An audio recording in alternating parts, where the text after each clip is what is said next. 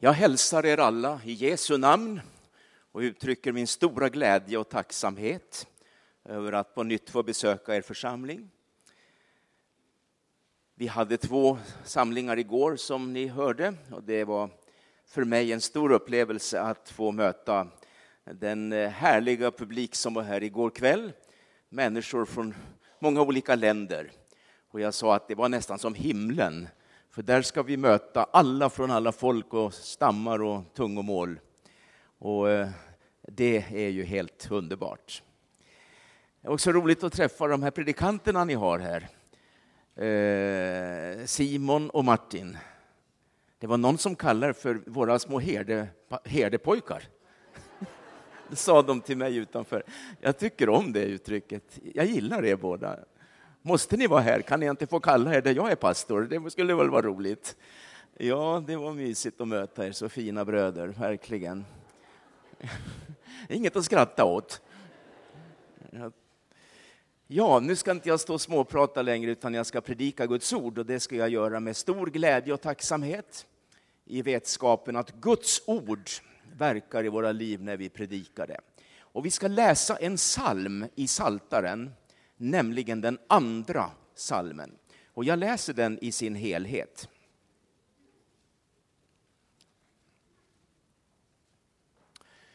Varför rasar hedna folken? Varför tänker folken fåfängliga tankar? Jordens kungar reser sig och furstarna rådslår med varandra mot Herren och hans mode. Låt oss slita sönder deras band och kasta av oss repen. Han som bor i himlen ler. Herren gör narr av dem. Han talar till dem i sin vrede, i glödande harm förskräcker han dem. Det är jag som har insatt min konung på Sion, mitt heliga berg. Jag vill kungöra Herrens beslut. Han sade till mig, du är min son. Jag har idag fött dig. Begär av mig så ska jag ge dig hedna folken till arvedel och hela jorden till egendom. Du ska krossa dem med järnspira, slå sönder dem som lerkrukor. Handla nu vist, ni konungar, låt varna er, ni domare på jorden. Tjäna Herren med fruktan och gläd er med bävan. Ge sonen hyllningskyss, så att han ej blir vred och ni går under på er väg. Ty snart kan hans vrede upptändas. Saliga är alla som flyr till honom. Amen. Den här salmen är messiansk. Det betyder att den profetiskt beskriver Jesus långt innan Jesu födelse. Här möter vi profetiska ord om vår tid. Här talas det om politisk och militär oro, precis som vi ser ut över världen, inte minst i Nordafrika och andra delar av Mellanöstern och för övrigt i vår värld. Folken tänker fåfängliga tankar och hedna folken rasar i sitt uppror mot Gud. Mycket av det som sker är antisemitiskt och mycket av den oro som finns att notera över världen är antikristlig. Det är som att det är förberedande operationer inför det storslagna och mäktiga och förfärliga som kommer att drabba vår värld i ändetiden. Men med en profetisk skärpa beskriver den här texten Jesus Kristus, vår frälsare, just i den tiden. Det är som att läsa nutidshistoria uppenbarad i prisman av Jesu Kristi närvaro i vår tid. Salmen talar om stark mission i den tiden. Jag ska ge dig hedna folken till arvedel och jordens ändar till egendom. För att förstå detta måste vi vända tillbaka till Jesu liv och Jesu gärning och allra mest till hans försoningsgärning.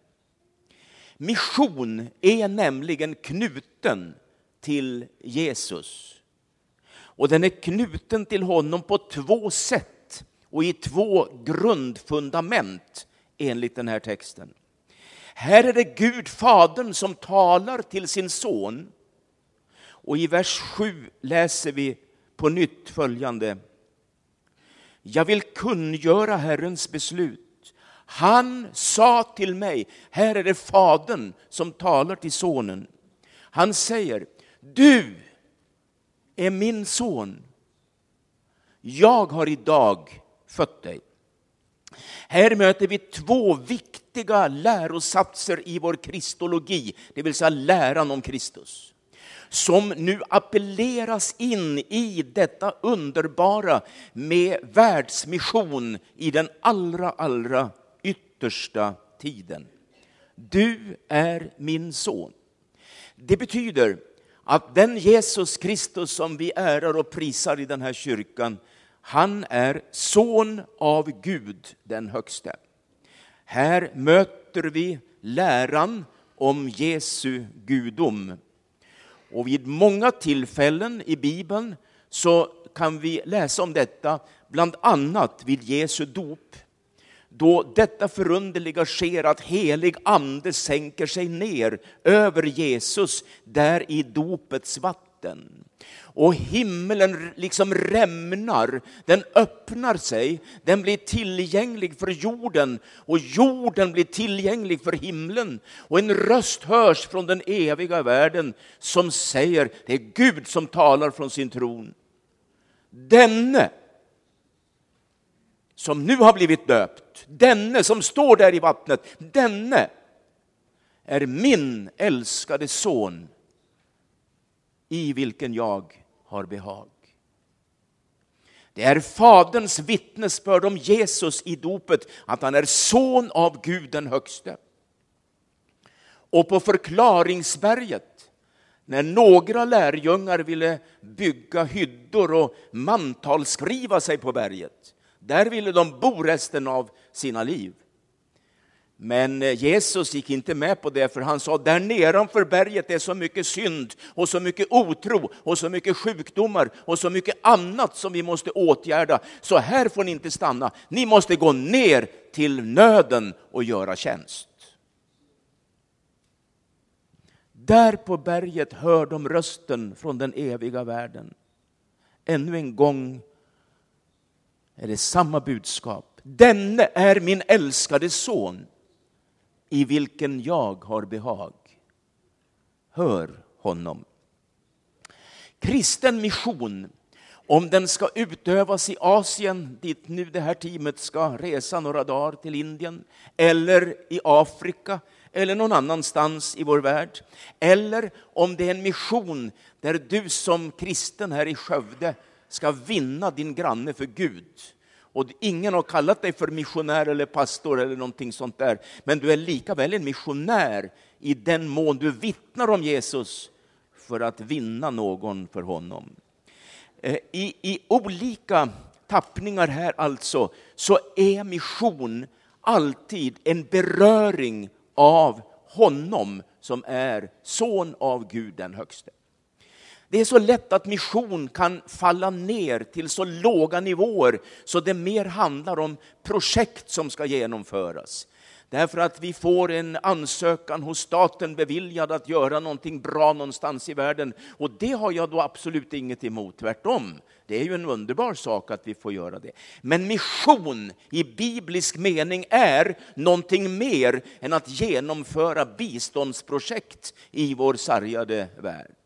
Mission, det är för det första att förkunna evangelium om Jesus Kristus i hela världen. Och det ska inte vara några dimridåer över det, utan tydlig profetisk med en evangelistisk skärpa ska det förkunnas. För det andra är mission att de människor som då drabbas av evangelium och får syndanöd, de måste vägledas till Kristus och bli Guds barn och födda på nytt och härligt frälsta. Det är mission. Och mission är sedan att undervisa dessa och hjälpa dessa så att de börjar växa i sin tro och bli fäder och mödrar i Kristus som i sin tur kan ta hand om andligt nyfödda. Mission är också att bilda nya församlingar som tar hand om alla de här nyomvända. Kristna församlingar som finns där som sanningens stödjepelare och grundfäste som aposteln kallar Guds församling för. Mission är alltså inte att begränsa till biståndsverksamhet, men det finns också med i bilden. Men det är framför allt att rädda människor till det eviga livet. Det andra jag finner som ett grundfundament för kristen mission i, i vår tid, det är det här, jag har idag fött dig. När Gud säger så till sin son så avses uppståndelsen från de döda. Jesus Kristus uppstod från de döda och uppståndelse framförs och framställs ibland i Bibeln som just att födas på nytt eller uppstå. Det där, det där finns ett starkt ord, jag läser det inte, men för dig som vill anteckna det så står det i Apostlagärningarna 13 från 32, om du vill fördjupa dig i det. Mission utan en uppstånden frälsare, det stannar vid bistånd. Och jag har den största respekten både för Röda Korset och för Rädda Barnen och Unesco och alla möjliga biståndsorganisationer. De gör ett jättebra jobb som biståndsorganisationer. Men de gör inte ett bra jobb som mission, för de missionerar inte. Och de har inte det på sin agenda så ingen kan kritisera dem för det. För det är inte deras uppdrag att missionera. Det är den levande Gudens församling som har fått uppdraget att missionera och se till att evangelium blir förkunnat och människor blir frälsta och nya församlingar blir bildade och etablerade och Guds rike får tränga fram över hela världen. Det är pingstförsamlingens i Skövde stora uppdrag att bedriva en sådan mission utöver hela världen. När jag talar om att Jesus har uppstått från de döda och att det perspektivet är det, den livsnerv som kan hjälpa oss och vitalisera oss idag för en större eh, och djupare mission så tänker jag på Jesu undervisning förstås, där han eh, tar bilden av Jona. Kommer ni ihåg Jona? Han evangelisten eller profeten eller förkunnaren som fick Guds kallelse att gå eh, till en viss stad, men han bråkade med Gud och ville inte. Och så kom, blev, han, blev det storm på vattnet och det blev bara elände, så de tänkte den här måste vi bara kasta över bord så vi får lugnt här. Va? Och så gjorde de så. Och, och du vet berättelsen om den stora fisken som åt upp den där profeten. Va? Och han var i fiskens buk i tre dagar. Och det, det alltså tar Jesus upp som en förebild för sin uppståndelse. Han säger, så som Jona var i den stora fiskens buk i tre dagar, så skall Människosonen vara i jordens sköte. Det är en förebild alltså. Jesus ser det som en förebild till sin egen uppståndelse. Och, och, den där fisken kan vi ju tycka lite synd om. För tänk dig att få en profet i magen, det kan inte vara lätt. Alltså det, det, måste jag säga att det är, då är det nog väldigt jobbigt. Så om du ska äta något så ät inte profeter vad du gör. För du kanske vet, om du har varit i Afrika eller nu ska ni till Indien och ja, ni kanske är vana och så ni inte äter något olämpligt. Men jag har ju rest väldigt mycket i förfärligt många länder och predikat. Eh, och det händer någon gång ibland att jag får i mig någonting som jag inte tål. Jag var nere i Tanzania för ett par år sedan eller vad det var. Och jag, Eh, sista kvällen så jag, blev jag utbjuden till en restaurang och där, där var det ingen bra mat. Så att jag kände ju redan på kvällen att nu, nu blir det nog svårt att ta sig hem imorgon. Men jag tog mig hem och så skulle jag till Frälsningsarmén och tala på en konferens som de hade och jag sa till Ambrit, Eh, vi gör ett försök. Nej, vi måste åka hem med dig, du är jättesjuk. Ja, men vi gör ett försök, sa jag. För det är inget som smittar det här, för det är bara något jag fått i mig, förstår du. Ja, det var en liten, bara en liten parentes. Det har inget med predikan att göra så, men jag sa det i alla fall. Så du vet, när man får i sig något i magen som man inte tål, då är det rätt bra att få upp det eller få ut det. Och jag ska inte fördjupa mig i detaljer i det heller. Men ni vet väl vad jag pratar om nu, eller hur? Räcker det så här? Va? Ja. Och så var det för fisken. Han åkte omkring i havet och mådde pyton. Det betyder att han mådde hemskt dåligt i magen för han hade fått i sig en profet som han inte tålde. Och den där profeten, han mådde inte något särskilt bra han heller kan jag säga dig. För tänk dig själv, ja men det vore ju fruktansvärt och befinna sig i fiskbuken och vara där i tre dagar. Och inte var det någon knapp man kunde trycka på så det blev ljust heller, utan det var ju naturligtvis helt mörkt där. Och han beskriver sin ångest i sin, i sin bok i Bibeln, att han dväljdes bland ogräs och sjögräs och, och massa hemska saker där inne i buken. Han fick bara känna på allting, för han såg ingenting. Kan ni tänka er vad hemskt det var? Och då hade han inget altarbord där han kunde tända några fina ljus ackompanjerat med vackra blommor och lämpliga färger beroende på kyrkoåret vart vi fanns någonstans. Utan då praktiserade han en böneform som Bibeln talar om så starkt. Han åkallade sin Gud därifrån fiskens buk. Du vet när man åkallar Gud, då betyder det att man har nöd då hinner man inte tända några ljus eller se till att det är matchat med vackra blommor och sånt där. Utan då bara öppnar man munnen och ropar ut sin djupa nöd. Och efter tre dagar så kunde inte fisken klara det här längre utan han kastade upp profeten. Amen. Tyckte ni det var bra? Jesus uppstod från de döda, för Petrus säger i sin pingspredikan att dödsriket kunde inte behålla honom. Det betyder, och det har jag tittat faktiskt på en del kommentarer och sagt att dödsriket fick ont i magen. Dödsriket kunde inte behålla honom. Det var omöjligt för dödsriket att klara av detta något längre. Utan efter tre dagar så måste dödsriket släppa taget och Jesus uppstod från de döda. Och han kommer aldrig mer att dö någon gång. Han lever i evigheternas, evigheternas, evigheternas evighet. Och vet ni en sak? Han lever här i mötet idag. Det tycker jag är härligt. Och när den här texten om mission kopplar upp till Jesus som Guds son och Jesus som den uppståndne frälsaren, då ställer Fadern en fråga till Jesus. Och som jag förstår det och som jag ser det så sker det just där på påskdagsmorgonen i samband med uppståndelsen.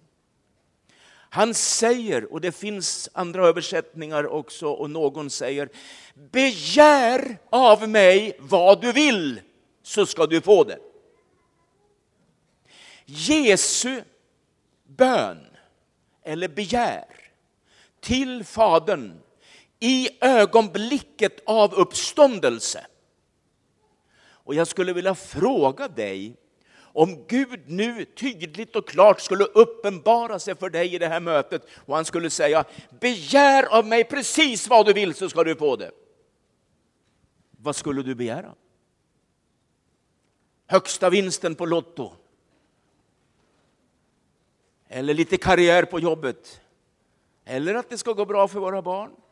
Eller något annat bekymmer du har som Gud ska ta hand om? Jag tror inte att det vore klockrent harmoniskt ens i denna fromma församling som jag har framför mig när det gäller de olika begären vi skulle ha till Gud. Många skulle nog krydda dem med mycket egoism. Jag anar det. Men för Jesus var det självklart. Inför denna fråga på påskdagsmorgonen begär av mig vad du vill, så säger han Ge mig hedningarna till arvedel och jordens ändar till egendom. Och när jag läser det där och börjar ana vad det betyder, då är det som att jag ryser i mitt innersta. Det nästan knottras på huden på mig inför denna begäran om att den försoningsgärning som han nu just höll på att fullborda skulle nu få bli ett begär till Fadern. Det jag har gjort nu och det som är fullbordat nu måste kanaliseras vidare i min bön till Fadern. Ge mig som ett resultat av min försoningsgärning hedningarna till arvedel och jordens ändar till egendom. Den sista delen har med tusenårsriket att göra. Då kommer varenda plats och varenda ort och varenda del av denna värld att läggas under Jesu Kristi fötter. Han kommer tillbaka och sätter sig på kung Davids tron som då blir återupprättad i det fysiska Jerusalem, inte i himlen någonstans utan här på denna jord. Och från den heliga staden sträcker han ut fredens spira, sin maktspira över alla länder och alla folk och även över Skövde. Då kommer världen in under en auktoritet som världen aldrig någon gång har stått under tidigare sedan syndafallet. Nämligen den auktoritet som har två grundvalar här. Guds son och uppståndelsen från de döda. Och uppståndelsen från de döda rymmer självklart både korset och uppståndelsen. Både långfredagen och påskdagsmorgonen. Och när ni åker till Indien nu och ska få se mycket mission och själva vara med och missionera, måste ni ta med er det som är grundläggande för all kristen mission. Det är Jesus Kristus som missionens Herre. Jag hade anledning för något år sedan i ett visst sammanhang att läsa en del av kyrkors och samfunds missionsstrategi. Jag höll nämligen på att skriva en bok som jag kom in på de där områdena. Jag ville eh, bli lite uppdaterad, så jag läste vår svenska kyrka, katolska kyrkan, en del frikyrkor och en del andra också. Eh, också internationellt. Och det var väldigt intressant. Jag ställde mig frågan, vad vill kyrkorna idag med den kristna missionen? Och det är klart att ju mer karismatiska kyrkorna var så var det ju väldigt givet att vinna människor och starta församlingar och utbreda Guds rike. Men allt för många, fler än jag trodde, hade inte med det på sitt program. Det stod ingenting om själars frälsning och människors omvändelse, utan det stod mer om religionsdialog. Det, jag läste till att i vissa länder där det är andra religioner som är förhärskande får vi inte predika evangelium, stod det, utan då måste vi ha dialog med dem utifrån vårt bidrag och deras bidrag och så kanske vi kan mötas lite på halva vägen. Det var inte vad Jesus sa. Jesus sa inte så. Han sa, gå ut i hela världen och gör alla folk till lärjungar, sa han. Han säger inte att vi ska gå i dialog med andra religioner eller andra filosofier eller annat som djävulen kan göra, utan han sa var frimodiga, gå ut och predika evangelium så ska jag vara med er ända till tidens yttersta gräns. Och idag är det oerhört viktigt i en tid då kyrkan blir mer och mer sekulariserad att eh, återupprätta det som är missionens signum, nämligen själars frälsning, församlingarnas tillväxt och, och Guds rikets fantastiska utbredande över vår värld. Nu ska jag ta en liten paus så ni får säga lite amen och halleluja. För ni har ju inte sagt så mycket det än, men nu har ni samlat ihop lite. Tyckte ni inte att det var en bra predikan hittills? Säg lite amen och halleluja, säg något i alla fall. Ja, titta ja, det är bra, det är bra, jättefint, det är bra. Ni har inte sagt något där borta än, men det kanske kommer senare i mötet. Va? Ja, men det är bra. 1999 besökte jag för första gången landet Benin. Jag hade just avslutat en väckelsekampanj i grannlandet Togo. Vi hade sett väldigt många muslimer bli frälsta.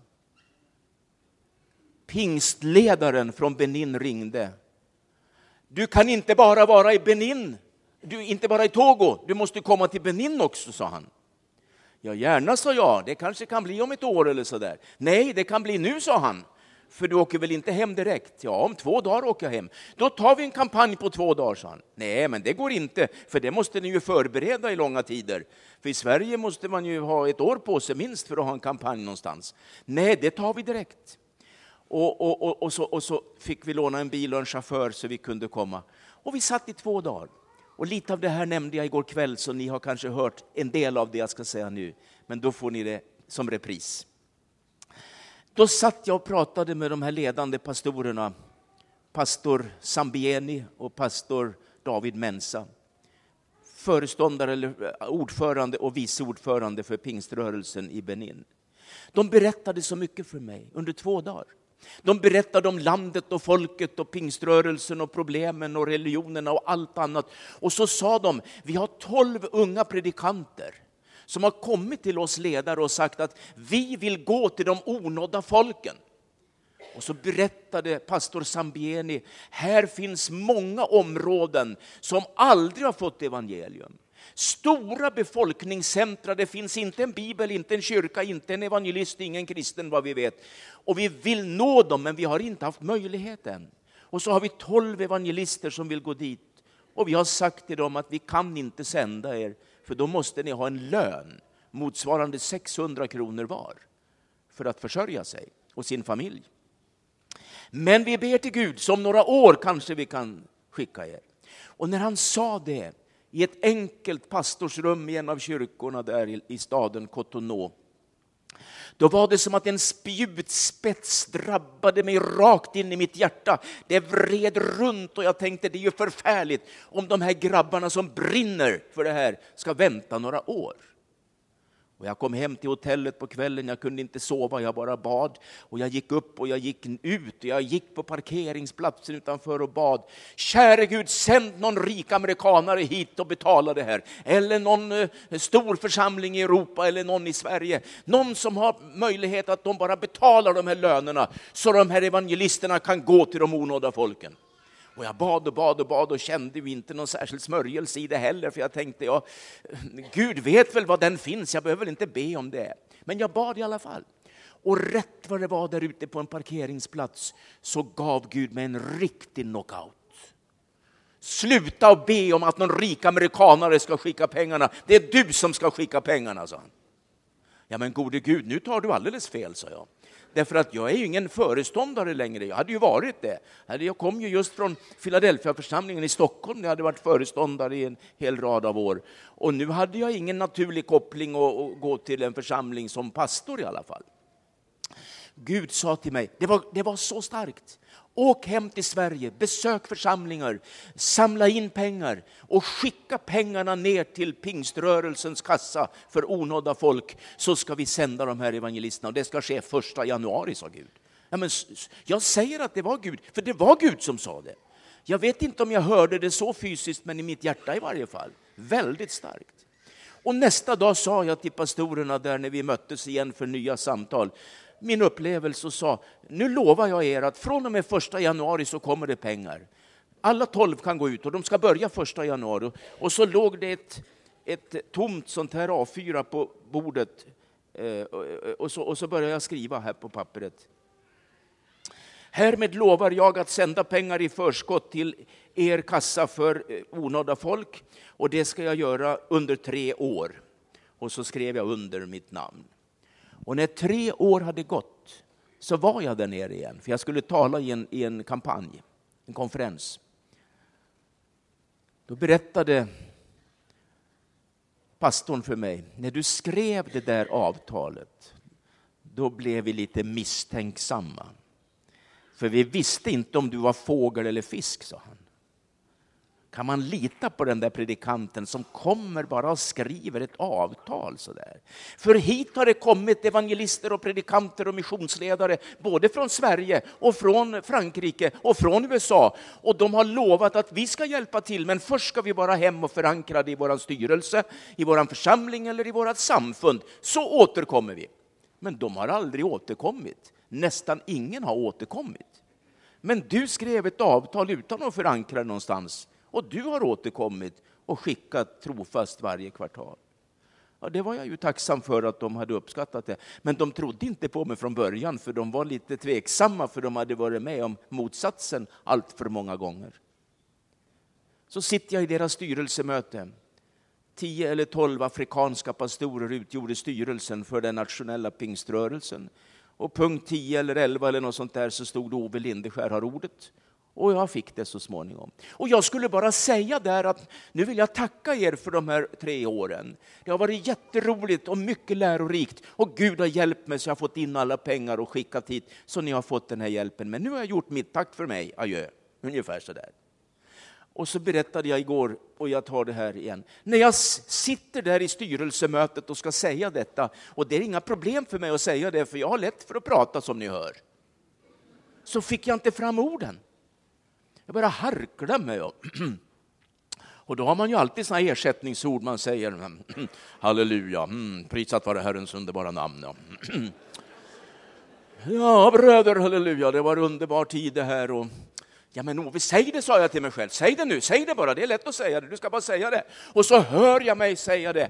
Och så knyter jag näven mot dem som om jag predikade för dem och så säger jag, nu bröder fortsätter vi som förut. Vi slutar inte detta, nu glömmer vi att det står tre år på det här kontraktet. Nu ska detta fullbordas in till Jesu Kristi dag. Och så höll jag en världens flammande missionspredikan för dem, att det här får inte avslutas.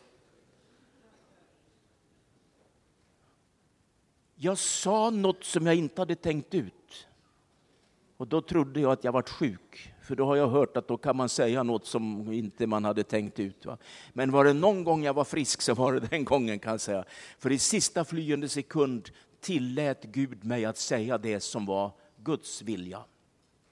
Då säger ordföranden, om du visste vad vi har bett till Gud för dig i långa tider. Vi ser att det står tre år och vi har bett gode Gud, gör Ove Lindeskär blind så att han inte ser det här, annars kan han få se. Men det där ska han inte se på kontraktet att det var tre år. Hjälp honom att fortsätta, uppenbara det för honom så han fullbordar det här arbetet. Men jag hade inte tagit emot det bönesvaret för dem, utan jag hade väl varit så glad nu att det här var över och att jag hade gjort min insats.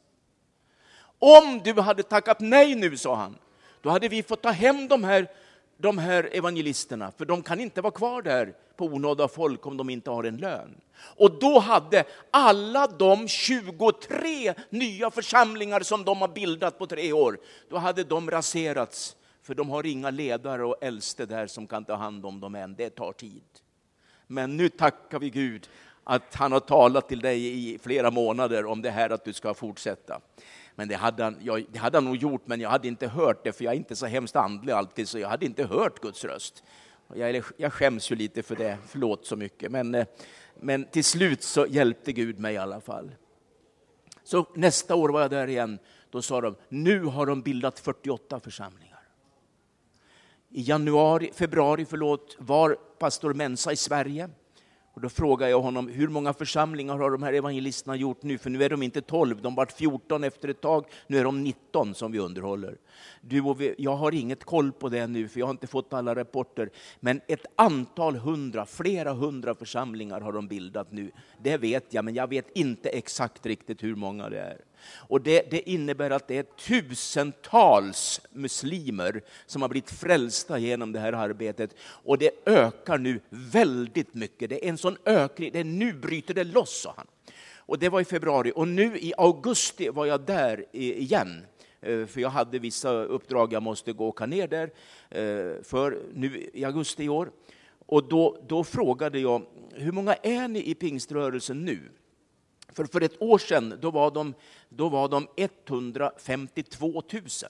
Och när jag började samarbetet med dem var de 77 000, så det har ökat med det dubbla på de här åren. Och eh, när jag mötte, när jag mötte dem nu så sa de, nu har det passerat 160 000 med råge. Så på ett halvår hade de ökat minst 8000 alltså. Det tycker jag är härligt. Och det är för att de vinner så många själar. Och eh, de har berättat för mig att den här otroliga evangelisationen och själavinnandet som nu har brutit loss med de här infödda evangelisterna, det har smittat av sig på de stora församlingarna nere i söder, där det många år har funnits rätt stora församlingar. Så de har börjat vinna själar nu. De vinner så mycket där så att det bara det, det växer så det knakar om jag får säga så. Och i kvinnoförbundet, mer än hälften av medlemmarna är kvinnor och tillhör förbundet. Eh, kvinnoförbundets ordförande sa till mig, vi har beslutat i styrelsen att eh, varje kvinna ska ge en dag i veckan och gå ut och evangelisera och vinna själar för Gud. Amen. Och vet ni, alla gör det ju inte, för alla kan det inte, men förfärligt många kvinnor gör det och de vinner skaror av kvinnor. Det är en riktig kvinnoväckelse. Det är helt otroligt. Och jag, jag hinner inte berätta mer om det där nu, men jag bara säger det att den offergåva som ska ges här, den går till de här evangelisterna, att det här får fortsätta. Och när jag säger att vi har 19 evangelister, så har pingstförsamlingen i Eskilstuna, där jag är en av föreståndarna och, och pastor på en halvtidstjänst, för jag hinner inte mer, för jag har så mycket annat, eh, har nu gått in och tagit och hjälpt oss och betalar för flera evangelister, så det ökar nu. Jag tror snart är vi nog uppe i 30, tror jag. Eh, inte riktigt, men snart är det 30. Och eh, många vill vara med i det här, både församlingar som säger det här vill vi vara med om och, och ta en evangelist som vår missionär. Det kan också små församlingar göra som inte kan ta en svensk missionär, för det blir för mycket. Men här kan man vara med. Innan jag säger amen, så det här att jordens ändar till egendom och hedningarna till arvedel. När jag var där 99 så kom kvinnoförbundets ordförande till mitt hotell och berättade. Vi har nöd för en sak här i landet, vi kvinnor. Det är nämligen så här, sa hon, att eh, när, när flickorna är mellan 12 och 16 år, då ska de giftas bort. Då har pappan, oftast pappan, sett ut en man som ofta är pappans ålder, en man som redan har fyra, fem fruar kanske. Och så ska den här lilla flickan mellan 12 och 16 år giftas bort. Och då säger pappan till dottern, nu blir det bröllop nästa vecka. Jaha, säger hon, vem ska gifta sig då? då? Det är du som ska gifta dig. Och då får hon ångest. Hon blir fullständigt förtvivlad. Men det kan hon inte visa till pappa och mamma, för då begår hon ett hedersbrott om hon inte är glad. Och det vet hon vilka konsekvenser det är. Kommer ni ihåg Fadime? Som alla tidningarna och medierna skrev om för några år sedan. Hon var en vuxen kvinna i Sverige som kom från ett annat land och pappan dödade henne när hon vägrade att lyda pappans kultur och religion. Det där är inget att leka med. Och då ligger den lilla, kanske 12, 13, 14, 15, möjligen 16-åriga flickan och gråter på natten och är förtvivlad. Vad gör jag? Jag vill inte bli bortgift. Jag, jag vill vara hos mamma, jag vill vara hos mina syskon, jag vill vara här i byn hos mina kamrater. Och nu ska de ta mig långt bort till en främmande man där jag bara ska få föda hans barn och arbeta på hans åkrar. Jag vägrar. Men hon vet att hon kan inte säga det till pappa, för då blir det bara repressalier. Hon kommer fram till, som så många andra flickor, enda chansen är att rymma. Hon planerar sin rymning. Hon i skydd av lite buskage bakom hyddan eller det lilla enkla huset så smyger hon iväg borta i naturen och kommer ut på en större väg där hon vet att det finns lastbilar och bussar som kommer. Och då hoppar hon på ett fordon, får lifta, kommer till en storstad och jag vet idag att om ingen tar hand om den flickan där så blir hon prostituerad. Och ingen tar hand om henne. För kulturen säger att en liten flicka som har begått ett hedersbrott mot pappan, hon är en sån stygg flicka så hon är inte värd att tas hand om. Och det där sprider sig snart och då säger de, du din lilla hemska flicka som har vägrat pappans kärlek, dig tar vi inte hand om. Men det finns andra som tar hand om henne och för henne in i förnedring och smuts och prostitution.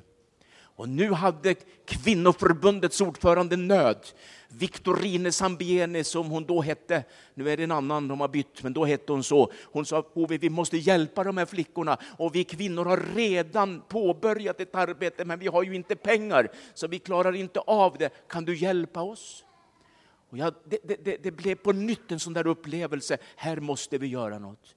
Och flera second hand på olika håll i Sverige har hjälpt oss. församlingar har hjälpt oss, enskilda har hjälpt oss. Mina böcker som jag skriver, allt, all förtjänst har gått till det här. Mina CD-skivor som ni kan köpa här ute på torget, det går till det här ändamålet och även till evangelisterna.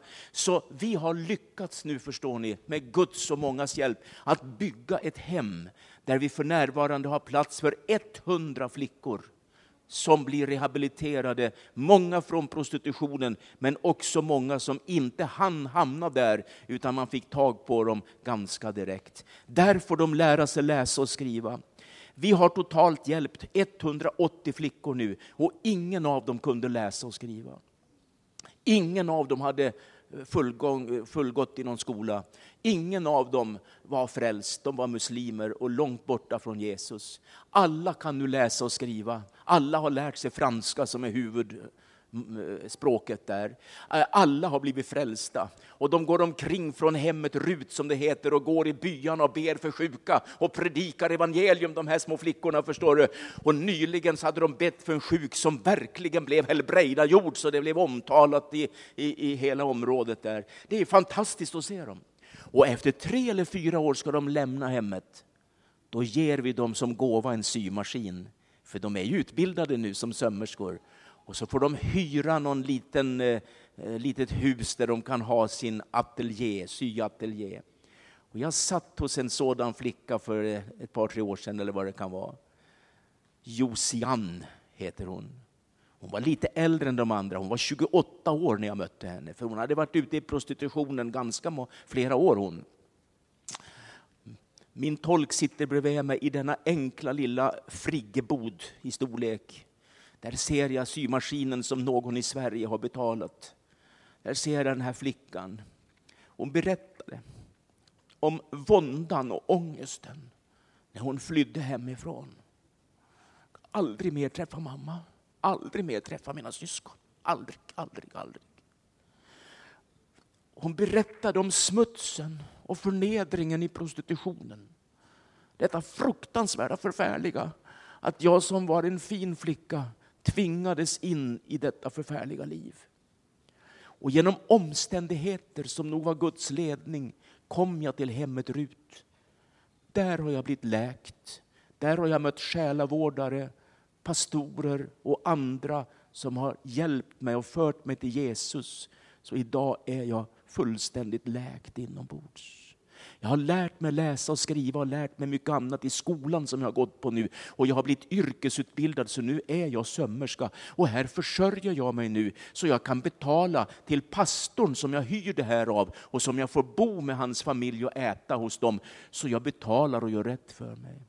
Så blev hon en smula förtrolig. Hon sänkte huvudet lite och rösten blev lite nästan lite spräckt. Så säger hon, men nu syr jag inte så mycket åt mina kunder längre. Varför det? Jag syr mest åt mig själv. Aha. Jag syr på min brudklänning. Ska du gifta dig? Ja. Men nu är det inte pappa som har bestämt vilken man jag ska ha. Nu är det Gud som har bestämt det, sa hon. Men vem är det som har friat till dig?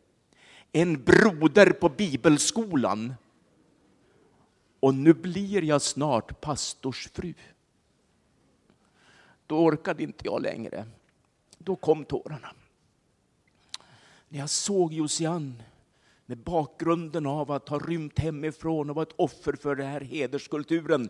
Jag såg henne i den djupaste förnedring i prostitutionen. Jag såg att hon var predestinerad för HIV och aids. Jag såg att hon var utvald av, av, av, av ödet på något vis till att dö en alltför tidig död. Och nu ser jag henne ha ett eget yrke. Eh, eh, hon är utbildad, hon har egen företagare och så nu ska hon bli pastorsfru. Då kom Jesus in i rummet. Ungefär på samma sätt som jag fick den där knockouten utanför hotellet när Gud sa gå hem och samla in pengar, så var det på nytt en sån upplevelse nu. Då var det 47 platser på hemmet Rut. Och Jesus sa till mig, åk hem till Sverige och samla in pengar så vi kan bygga ut hemmet Rut till dubbel kapacitet. 100 platser ska det vara. Och jag sa högt när jag satt där, ja det gör jag i Jesu namn. Och tolken undrar vad det var all sina dagar nu, han nu skulle översätta för någonting. Det var inte till dig broder, det var till Herren. Så mötte jag ordföranden i kvinnoförbundet strax efteråt och hon säger i förtroende till mig, vet du Ove, vi har i tro beslutat i kvinnoförbundets styrelse att bygga ut hemmet ut till hundra platser. Vi vet inte hur det ska gå. Vi förstår inte var vi ska få de pengarna från, men Gud har sagt det. Ja, jag vet det, sa jag. Har någon av systrarna skvallrat, sa hon. I styrelsen alltså? Nej, det har de inte gjort. Men Jesus kom till mig och sa att vi ska ha hundra platser. För om en månad är det ett år sedan jag var där och invigde utbyggnaden, så nu är det hundra platser. Och samtidigt skulle 15 flickor lämna och 25 flickor komma nya. Och då är det alltid så att en av flickorna, en av flickorna håller ett tal. Det är mycket dans och mycket sång och mycket mat och det är så härligt då när den här festen. En av flickorna som ska lämna håller alltid ett tal och hon läste sitt tal på franska. Hon kunde inte franska när hon kom dit. Hennes lärare stod bredvid för att hjälpa henne om hon skulle staka sig, men det gjorde hon inte. Och så avslutar hon sitt tal med att säga, och så vill vi flickor till sist tacka våran vita pappa Ove för allt vad han har gjort för oss. Och då brast jag igen. Så jag är en riktig gråtpredikant i alla fall när jag är där nere, för att då bara känner jag, då blir det så otroligt att jag vågade ta ett steg i tro och gå in i någonting som jag visste skulle kräva så mycket av mig, men som Gud har hjälpt mig. Och så har jag fått belöningen. Och så ringde jag hem till Ambrit och sa, Ambrit, vi har inte bara tre barn. Fattar du? Vad, vad, menar du med det, sa hon. jo, jag menar att jag har 180 döttrar här nere i Afrika som säger att jag är deras eh, eh, pappa. Och är jag pappa, då måste du vara mamma i så fall. Det säger sig ju självt, eller hur? Va? Men så tänkte jag och la till, men det är inte bara vi som är föräldrar. Det är hundratals människor i Sverige. Det finns de i Skövde som har varit med och betalat och hjälpt oss. Det finns folk uppe i Lappland och i Skåne, över hela Sverige. Det är de som är de här papporna och mammorna som vi skulle tacka för att vi har kunnat få genomföra detta. Och nu har jag bestämt mig för att det här ska vi fullfölja. Så länge jag har krafter och möjligheter så vill jag följa det här arbetet. Mina älskade vänner, tack för att ni vill ge en offergåva till det här arbetet. Och vi får ta den nu. I Jesu namn välsigna offret och välsigna var och en som är med och investerar för evangelisterna och för de här flickorna. I Jesu namn. Amen.